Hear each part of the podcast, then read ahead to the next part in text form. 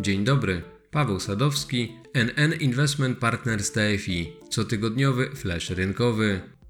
W parę godzin później, gdy noc zbierała się do odejścia, Puchatek obudził się nagle z uczuciem dziwnego przygnębienia. To uczucie dziwnego przygnębienia miewał już nieraz i wiedział, co ono oznacza. Był głodny. Ten cytat opisuje uczucia, które niejednokrotnie miały wpływ na decyzje podejmowane przez jednego z najbardziej znanych mieszkańców stumilowego lasu.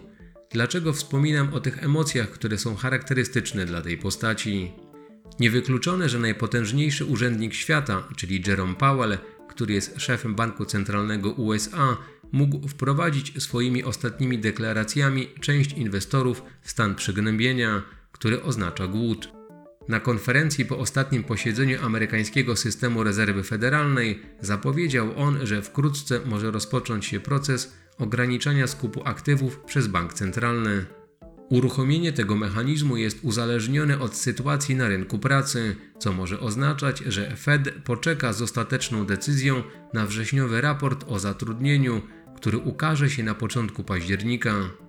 Dodatkowo przedstawiciele rezerwy federalnej zasygnalizowali, że stopy procentowe mogą zostać podniesione wcześniej niż oczekiwano.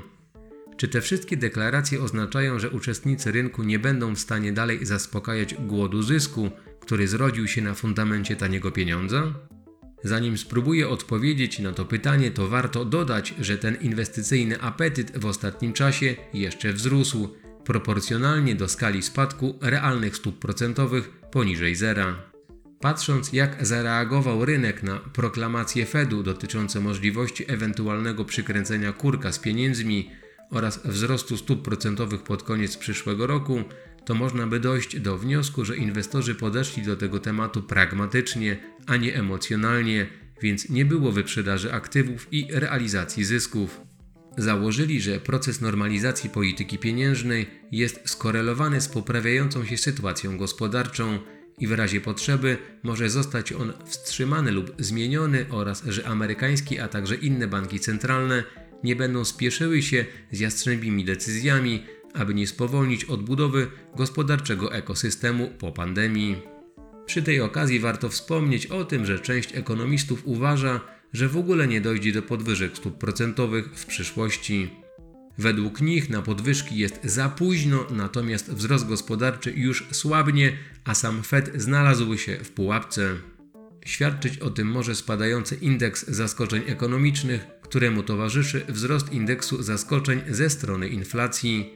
Zwykle te indeksy są ze sobą skorelowane.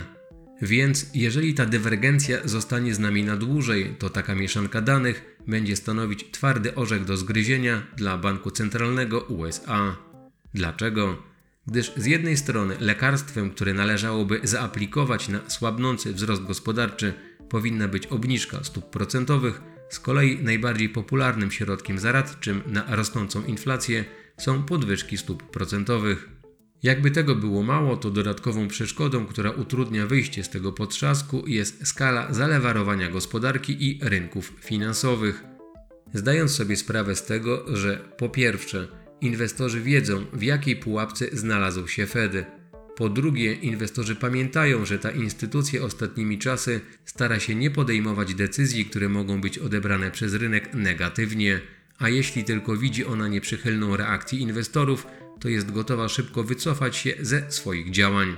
Po trzecie, inwestorzy mają świadomość tego, że po 40 latach hossy na amerykańskim rynku długu skarbowego i zejściu rentowności tamtejszych papierów praktycznie do zera, to obligacje nie mają w zasadzie nic do zaoferowania, a mogą wręcz generować straty w perspektywie najbliższych miesięcy czy lat. Po czwarte, przy tak znacznej skali spadku realnych stóp procentowych poniżej zera, to trudno nie dojść do wniosku, że inwestorzy dalej będą szukali zaspokojenia głodu zysku, między innymi na rynkach akcji, surowców czy obligacji korporacyjnych.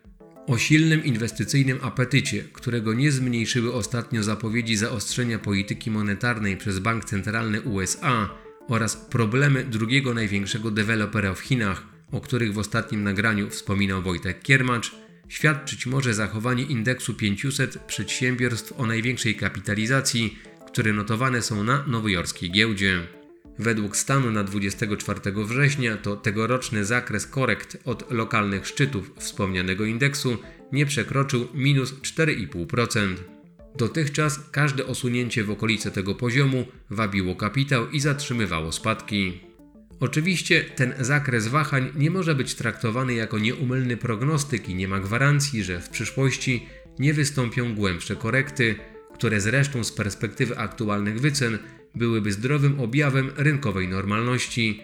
Natomiast takie zachowanie świadczy o sile trendu, któremu nawet 20% spadki nie wyrządziłyby z długoterminowej perspektywy technicznej kontuzji. To tyle na dzisiaj i do usłyszenia.